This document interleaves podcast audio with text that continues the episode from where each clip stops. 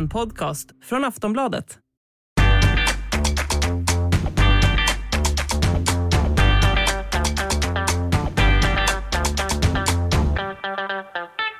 Hej och varmt välkomna ska ni vara till Schlagerkoll. Jag heter Jenny Ågren och jag har som vanligt med mig, denna gången från Turin, hallå!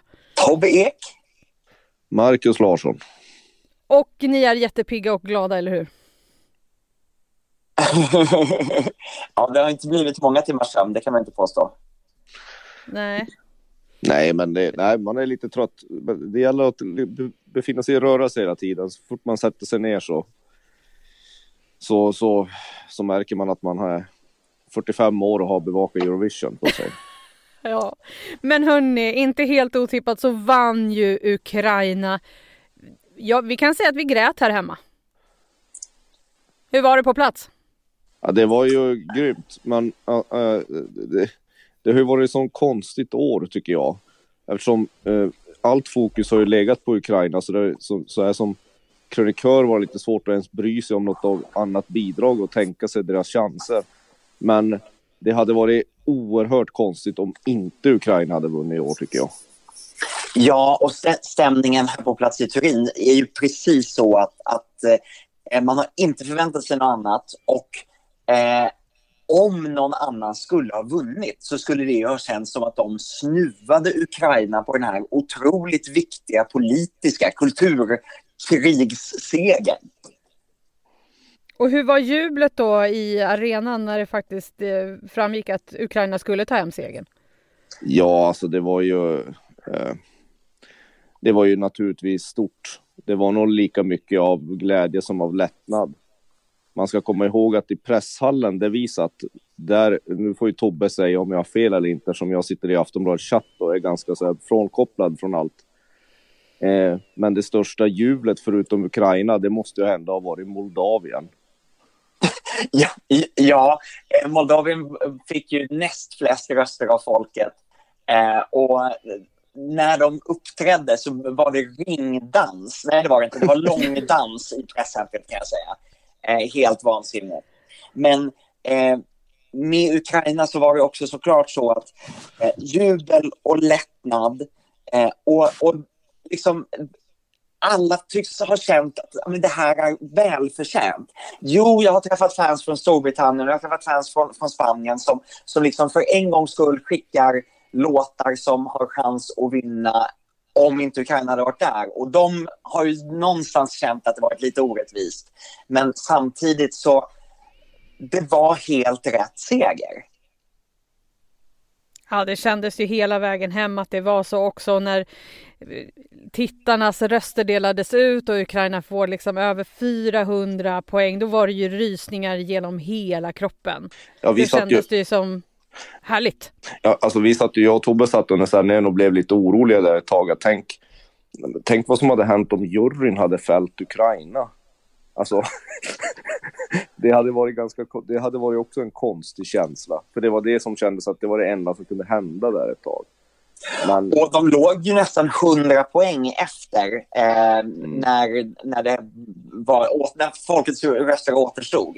Men sen så fick de ju den högsta poängen från eh, telefonrösterna någonsin. Eh, de fick tolvor. Eh, alltså om man räknar ut ett genomsnitt, man kan ju få 12 poäng från varje land eh, i telefonrösterna. Och då fick de i genomsnitt 11,26 poäng. Ni förstår att det är få länder som har gett lägre poäng än 12 då. Eh, allra lägst fick de från eh, telefonrösterna i Serbien där de bara fick en sjua. Ja, man, ja, ja. Ja, men Serbien är väldigt ryssvänligt. Såklart. Eh, men sen var det ju också den här omröstningen, alltså telefonrösterna och juryns poäng. Alltså det är så olidligt spännande. Det här har verkligen Eurovision lyckats med sedan de gjorde om det här. Ja, absolut. Ja, och, och jag tycker liksom hela säsongens höjdpunkt från, från första veckan i Melodifestivalen till eh, de, de sista tio minuterna av, av, av finalen det är ju när tittarnas dom kommer. När de gör så här att de, de går bakifrån och upp. Och vissa länder får mellan 0 och 3 poäng och vissa får hundratals. Nej, det, det, det, är, det är suveränt bra tv. Och det är ju också otroligt spännande att se skillnaderna. När, när eh, Azerbajdzjan fick tre jurytolvor och, och låg ganska bra till efter, efter juryomröstningen men bara får tre poäng från telefonrösterna. Då kan man verkligen börja undra, vad är det här? Eh, vad kommer de här jurypoängen ifrån? Ja, och vi ska ju komma in på det lite senare för det var ju lite kaos och eh, lite skandal faktiskt med eh, att eh, det har upp uppdagats att det har varit röstfusk under Eurovision nu. Eh, men ska vi ta lite om vårt eget härliga bidrag ändå? Cornelia gjorde en fantastisk insats eh, i finalen och liksom gjorde någon magisk tonartshöjning i sista minuten som liksom fick, jag vet inte vad som hände. Det var väldigt härligt. Hon gjorde det första gången på juryrepet på fredagskvällen. Och då känner man att nu har hon sån feeling här. Allting funkar och sitter rätt. Så då ger hon det där lilla extra. Och så gjorde hon det även i sändning. Eh, det innebär liksom självförtroende. Marcus, vad säger du om hennes framträdande? Jo, alltså det, det, det var ju, det både, var ju både det svajigt och eh, det bästa hon gjorde under veckan av vad jag har sett. Jag tycker för den sista minuten är ju det som ger den sista skjutsen i framträdandet. Det, där har hon nog aldrig varit bättre. Uh, men sen får Tobbe rätta mig om jag har fel här, men det är väl så också att eh, hon får, får hon använda någon körig kuliss? Eh, så här, hon har ju lite förinspelad kör. Det var någonting som Eurovision införde förra året. Men eh, hon var ensam på scenen. Vi hade ingen eh, livekör med överhuvudtaget. Och det är första gången sedan 60-talet. Om jag, om jag har rätt så är det sen Tommy, eh, Tommy Körberg gjorde Judy min vän. Eh, 67, 68 någonting. Som Sverige bara har eh, en ensam artist på scenen utan kör. Mm. så att i princip hela sången sätter hon själv med några, några små körer pålagda. Jag fattar. Ja, men det, det, blev en, det blev en... Hon lyckades få till den här illusionen att det var en live händelse när hon uppträdde. Eh, jag, tycker ju, jag tycker ju att det här är det förmodligen bästa bidraget vi har skickat till en Loreen. Och det hade känts så här det hade känts pissigt om, om, om, om hon hade misslyckats eller misslyckats. Ni fattar vad jag menar, om rösterna inte hade tillfallit. Hon blev ändå så här trea i juryn och sexa bland folket. Det är, det, det är ett utmärkt resultat, framförallt med tanke på att det här var ett år där Ukraina skulle vinna. Tvåa hos juryn till och med. Och sex Hon tvåa hos juryn. Ja. Det var som fan. Det är fantastiskt. Och alltså också kul att det faktiskt stämmer överens med vad tittarna tycker. Även om hon inte fick de högsta poängen av tittarna så är ändå tittarna med och gillar hennes bidrag. Och jag ska bara säga Tobbe, så att inte vi får hela schlagernördsgänget över oss nu. 69 var det Tommy Körberg sjöng Gjorde min vän. Tack så mycket, tack. Ja men Cornelia, vad härligt. Och hon firade ju natt såklart. Hann ni träffa henne? Eh, ja, men jag jag hann träffa henne eh, på presscentret efter, eh, efter omröstningen. Eh, och hon var så otroligt glad och det roligaste var att jag kunde få berätta för henne för då hade ju alla resultat kommit. Så då kunde jag berätta för henne att hon också vann sin semifinal. Eh, och det gjorde hon ganska överlägset. Eh, så det kunde hon fira lite extra i natt.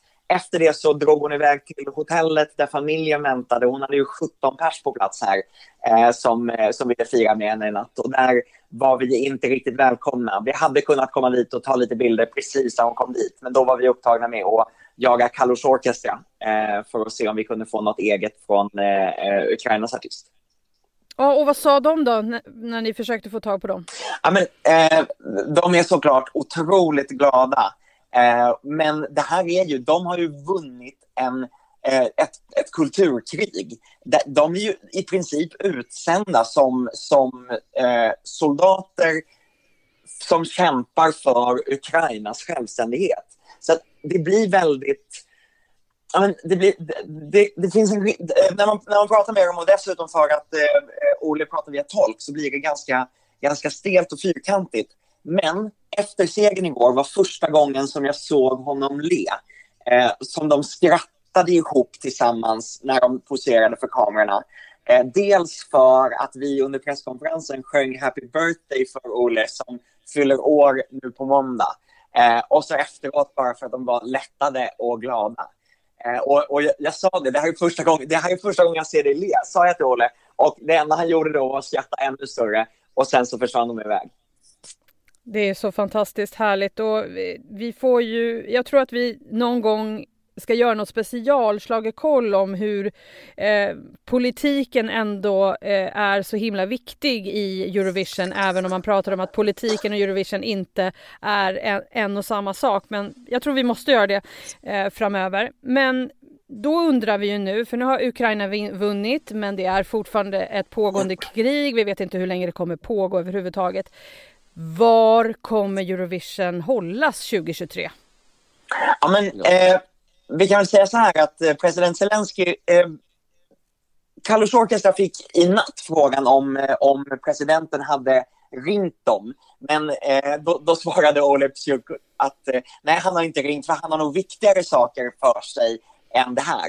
Men han har eh, nu på morgonen skrivit på Facebook och där skriver han att eh, jag hoppas att vi framöver kommer att få se Eurovision i Mariupol det är såklart ett utspel för att provocera Ryssland för att det kommer ju aldrig hända att eh, det blir ett Eurovision i Mariupol nästa år i alla fall. Och vad kan man då tänka sig att det kommer hållas? Vi har varit inne lite på det här när vi har pratat tidigare i Schlagerkoll. Ja, det där är ju, det där kan nog Tobbe bättre än mig, men, men eh, det, den frågan kommer många länder att få, men Storbritannien kanske ligger bra till där. Ja, speciellt som de kom tvåa. Eh, man kan säga så här att EBU brukar vända sig till Big Five-länderna i första hand för, för, för, att fråga skulle någon av er kunna tänka er? Och med tanke på att Storbritannien nu kom tvåa så skulle det kunna, också med en lite så brittisk... Eh, jag lovar att de brittiska fansen nu framöver kommer säga att det var egentligen vi som vann. Eh, eh, ja, men det, var, det här var vår rättmätiga seger. Och därför så vill säkert BBC eh, arrangera det här och i så fall skulle jag säga att det nog sker i Manchester. För BBC har byggt sin nya Media City eh, som nyligen har liksom öppnat där. Eh, så att eh, Manchester nästa år är väl den, eh, den mest troliga. Mm, vi gillar ju Storbritannien ändå eftersom de gav oss en tolva men jag är fortfarande jättefrågande till låten. Jag är jätteförvånad över att den tog sig upp till andra plats. Ja men det var ju, vi ska ju komma ihåg att det var ju med ganska stark juryhjälp. Ja, för den... Ja. Eh, eh, Sam Ryder hade ju bara tre poäng mer än vad Cornelia hade från, eh, från publiken. Eh, och var femma hos publiken men etta hos jurygruppen. Och, Just det. Och sen ska vi, jag måste ju bara flika in att eh, hos publiken så var Norge just efter Sverige. Just det. Mm. Och, och publiken, ja. Och, och, där, och de fick inte mycket hos juryn. Men det visste vi också. att det skulle bli så. Och, och ännu tydligare var det ju att eh, publikens tvåa var Moldavien. Och de hade bara 14 poäng från Eurogruppen. Så otroligt spännande. Eh, men sen hade vi ju då, förutom att eh, Sverige kom fyra, Spanien hamnade på tredje plats och Serbien på femte plats. Marcus, Spanien. Hade de där uppe i topp fem att göra? Jo, men det tycker jag. Alltså, det, är många som, det är många som har tippat Spanien högt i år eh, av en anledning och det är ju själva framträdandet.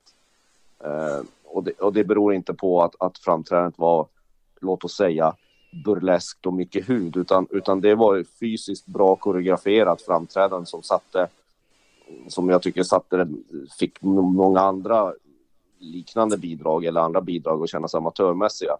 Sen kan vi alltid diskutera låten, men jo, jag tycker nog Spanien skulle vara där uppe. Däremot så kan jag ifrågasätta att svenska juryn ger tolvan till, till Spanien. Det, det är väl en annan diskussion. Liksom. Mm. Inte bara svenska juryn. Spanien och Storbritannien fick lika många jurytolver eh, vardera, åtta stycken. Och mm. Spanien hade högre poäng från juryn än från folket. Och det där är ju ett sånt nummer som jag skulle säga traditionellt sett snarare skulle anses vara ett, ett publikfriarnummer när det är mycket hud, sexig, cool dans. För så mycket till låt är det ju inte. Och refrängen är ju bara ett dropp. Ja, och just också så här Tobbe, att du brukar ju gå igång på den här typen av låtar. Ja, men det gör jag ju. Jag tycker att det är ett ashäftigt nummer. Men jag är mycket förvånad över att jurygrupperna satte den här högre än telefonröstarna. Ska vi nu när vi ändå är inne lite på den svenska juryn ändå prata lite om hur Sverige, den svenska juryn faktiskt röstade. För vet ni vad jag känner så här? Jag känner att jag skulle kunna skicka dem till något kallt ställe och så får de sitta där och lyssna på repeat på Belgien kan de lyssna på, de får lyssna på Tjeckien och de får lyssna på Azerbajdzjan i evighet i någon, på någon kyleplats. ja. Eh, ja, alltså att den svenska juryn gav sju poäng till Azerbajdzjan. Eh, de sju poängen är ju mer än vad Azerbajdzjan fick totalt sett från alla telefonröster.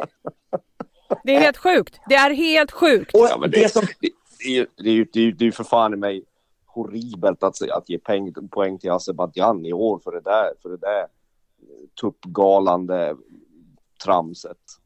Och det, Belgien! Nej, men fast, fast vänta, vi måste stanna kvar vid Azerbajdzjan här. För att ja, jag misstänker att det är så att det beror på att Azerbajdzjans låt är skriven av svenskar. Det är Anders Wrethov, det är eh, Andreas Stone Johansson och så är det några andra inblandade i den här låten. Och någonstans så blir det så att har, har de lyssnat lite extra på den här och känt efter lite extra om den inte är lite bättre för att det är svenskar som har skrivit den. Och det tycker jag är anskrämligt om det är så att, så att de har gjort det. För de nollade Grekland, som ju var en otroligt fin låt. Och de norra, nollade även eh, Nederländerna. Och både och Grekland och Nederländerna eh, och Portugal, alla de tre är ju så typiska jury, eh, jurylåtar annars. Det är otroligt märkligt. Jag, vill, jag, jag tycker att vi behöver gå vidare på det här Tobbe. Är det det här du gör på måndag? Eh, vet du vad? Nej. Tror att vi skiter i det. Därför att det finns andra saker vi måste prata om med jurygrupper. Just det. För det var ju så att det kom mitt under prisutdelningen, eller ja, under röstningen igår, så kom det ju faktiskt att det har varit röstfusk. Sex länders eh, röster diskades alltså. Tobbe, du får berätta. Ja, eh, och det känns lite som att EBU skickade ut det här pressmeddelandet precis när röstningssekvensen drog igång. Det, och det kändes verkligen som att de gjorde det för att gräva ner den här nyheten. För de har alltså diskvalificerat jurypoängen från Azerbajdzjan, Georgien, Polen, Rumänien, San Marino och Montenegro. Eh, och det gör man för att de, de har upptäckt vad de kallar för irregular voting patterns. Och de går inte in mer på vad det betyder. Det skulle kunna innebära att eh, man har sett att, att jurymedlemmarna i, i en jurygrupp har pratat ihop sig om vad de, ska, vad de ska höja och vad de ska sänka. Vilka de ska sätta över och, och, och vilka de ska nolla. Det, det kan eh, vara så att det misstänks att det finns en yttre påverkan på jurygruppen. Eh, eh det, det, kan vara att, man, att eh, samtliga medlemmar har röstat i princip likadant i en, i en jury och man tycker att nej, så här kan det inte gå till. Man kan inte tycka exakt likadant. Eh, vi får inga förklaringar på det här, men det innebär att EBU har alltså levererat på något sätt hit, påhittade röster från de här jurygrupperna. Och de påhittade rösterna, proxyrösterna, har de tidigare förklarat på det sättet att man väger ihop röster från länder som har liknande röstningsmönster som sig själv. Eh, men de går inte in på det mer i detalj än det. Men om, om det skulle vara så att Sveriges röster hade blivit diskvalificerade, då hade man nog vägt ihop Norges, Danmarks, Estlands, Finlands och Islands röster och gjort någon form av genomsnitt av det. Eh, eh, men, men matematiker som har försökt bryta ner och förstå sig på hur det här fungerar de har hittills misslyckats varje gång och EBU vägrar att ge något svar. Vad innebär det här för tävlingen? Ja, men det är som alltid, den här tävlingen är ju känslig för sånt där. Alltså det, det, det finns ju redan jättemånga som tror att den är riggad och, och, och som tror att det, den är korrumperad. Och sådana här grejer gör det ju inte bättre. det här har jag, jag och Tobbe pratade när vi åkte hem igår sent på morgonen ja, det har ju hänt förut, men, men, men inte i den här omfattningen. Inte sex stycken under eh, semifinal och final har väl diskats tidigare. Eh, varje år används proxyröster som ersättning för San Marinos telefonröster. För San Marino har inget eget telefonnät. Så det går liksom inte att ha eh, eh, avgränsade eh, telefonröster från San Marino. Så där eh, levereras det varje år någon form av proxyröster eh, som ska motsvara deras, eh, deras telefonröstning. Eh, vet att Vitrysslands eh, jury diskades häromåret och då användes proxyröstning där. Eh, men nej, jag, jag, kan inte komma på att det har varit... Alltså, samtidigt får man väl säga att, att, de, att EBU faktiskt upptäcker och diskar sex jurygrupper. Det skulle också kunna tolkas som att de tar i med hårdhandskarna och säger hörni, nu får ni skärpa er för sånt här jävla fiffel, det, det accepterar vi inte. Mm. Och vad, Marcus, vad säger du då som helhet? Hur har Eurovision 2022 varit? Jo, men det har varit, ja, det var inte ett normalt år. Alltså, vi trodde vi skulle få gå tillbaka till det eh, efter pandemin, men tävlingen avgjordes ju när Putin invaderade Ukraina på något sätt och så då, då, det blev ju väldigt speciellt. Jag skulle säga rent musikaliskt, kanske inte det, det största toppåren, men, men en hel del bra bidrag en hel del bidrag som var eh, bra av andra anledningar än att vara bra. Eh, mm. Så jag, jag, tror, jag tror, jag, jag tyckte, jag är nöjd med det här året och jag är nöjd med vinnaren. Eh, det var kanske inte rätt låt som vann, men det var rätt land. Och i det så måste man ändå säga att det är ju ingen som har röstat på Ukraina eh, av, liksom, de, de, jag kan inte tänka mig att särskilt många i alla fall har, har bestämt sig för att nu ska jag rösta på Ukraina för krigets skull. Utan folk har blivit berörda av framträdandet. Låten skapar känslor, tankar och det beror såklart på kriget. Men det är för känslorna man får när man eh, ser det här framträdandet och hör den här låten som man har röstat. Eh, och därför var det rätt låt som vann. Men alltså, sen så, sen så måste vi ändå lägga till att Ukraina går alltid bra i Eurovision. Den här låten hade kommit högt oavsett kriget eller inte. Ja. Men sen kanske ja, inte hade, den hade kanske inte utklassat konkurrenterna som den gjorde nu. Men, men, men den hade ju varit med och, och slagits topp fem eller, eller topp sex ändå. Jag är jätteglad att Ukraina vann, för annars hade det betytt att Moldavien hade vunnit, alltså varit tittarnas favorit. Ja, så hade det kunnat bli. Oj, oj, oj. Ja, men jag är också nöjd. Känner mig eh, glad över hur det blev och hur Cornelia, hur det har gått för henne och allting. Och jag undrar Tobbe, vilka låtar, alltså, vilka låtar tar du med dig nu som får leva kvar i din spellista? Eh, en låt, det är ju eh, den serbiska låten. Eh, jag, skulle, jag säger Bitti Strava, men den heter ju inte det. Eh, den har ju blivit en riktig fanfavorit här och vi får inte glömma bort att den faktiskt också slutade femma. Eh, och var tittarnas fyra. Eh, mm. Det är en sån låt som kommer leva kvar i Eurovision-världen framöver. Men också eh, Stefania, vinnarlåten, den, den sitter fastklistrad i mitt huvud. Um, och jag älskar ju Italiens Brividi, även om de sjöng otroligt surt igår. Ja. Och Marcus då? Ja, men jag, jag, jag gillade grekiska, förutom Sverige så gillade jag grekiska bidrag. Jag tyckte Nederländerna var bra. Jag gillar Portugal. Um, Norge naturligtvis. Um, ja. Uh, så, så ja, det, det, finns en del del. Kommer jag spela någon mycket igen? Ja, men... det vet men, vi, Tom. det vet jag, vi Marcus. Men eh, ja, jag, jag, kan ju, jag, kan ju, jag kan ju säga att jag, jag kommer inte lyssna på Azerbajdzjans bidrag igen i alla fall. Nej. Alltså, kommer, ni ihåg att jag sa, vänta, kommer ni ihåg att jag sa att jag gillade Frankrike innan ni åkte iväg till Turin? Ja. Alltså när jag såg dem nu, jag bara, vad håller de på med? Varför sa jag att jag gillade det här? De var betydligt bättre i sin egen uttagning. Den där sändningen, finalen var så lång igår så till, när, när, när den 71 snabbreprisen kom så började till och med jag tycka att Frankrike låter bra. Så, så du är ursäktad Jenny. Åh, vad härligt. Här hemma så har det klappats mycket till Serbien. Vi har också, barnen är fantastiskt glada över Ukraina så att, eh, det är vad vi tar med oss. Härligt. Och jag kan säga så här att om det inte blir Manchester nästa år så har eh, den spanska tv-bolaget ITV, eh, nej ITVE heter de ju, eh, precis gått ut och erbjudit sig att, eh, att stå värd för Eurovision nästa år. Spanien? Jo, jag tackar. Ja.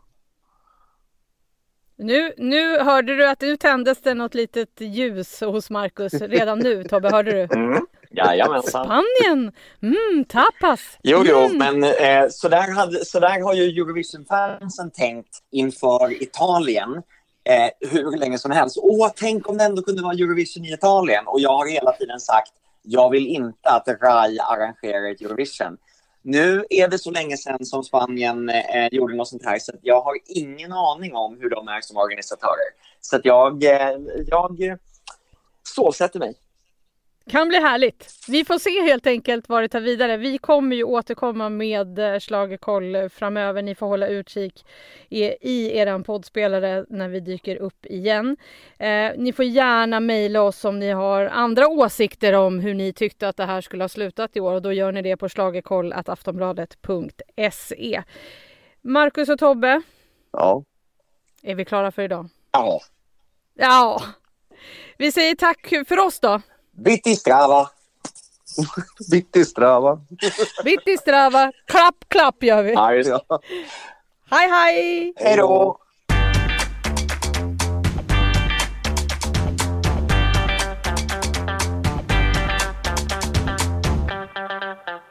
Du har lyssnat på en podcast från Aftonbladet. Ansvarig utgivare är Lena K Samuelsson.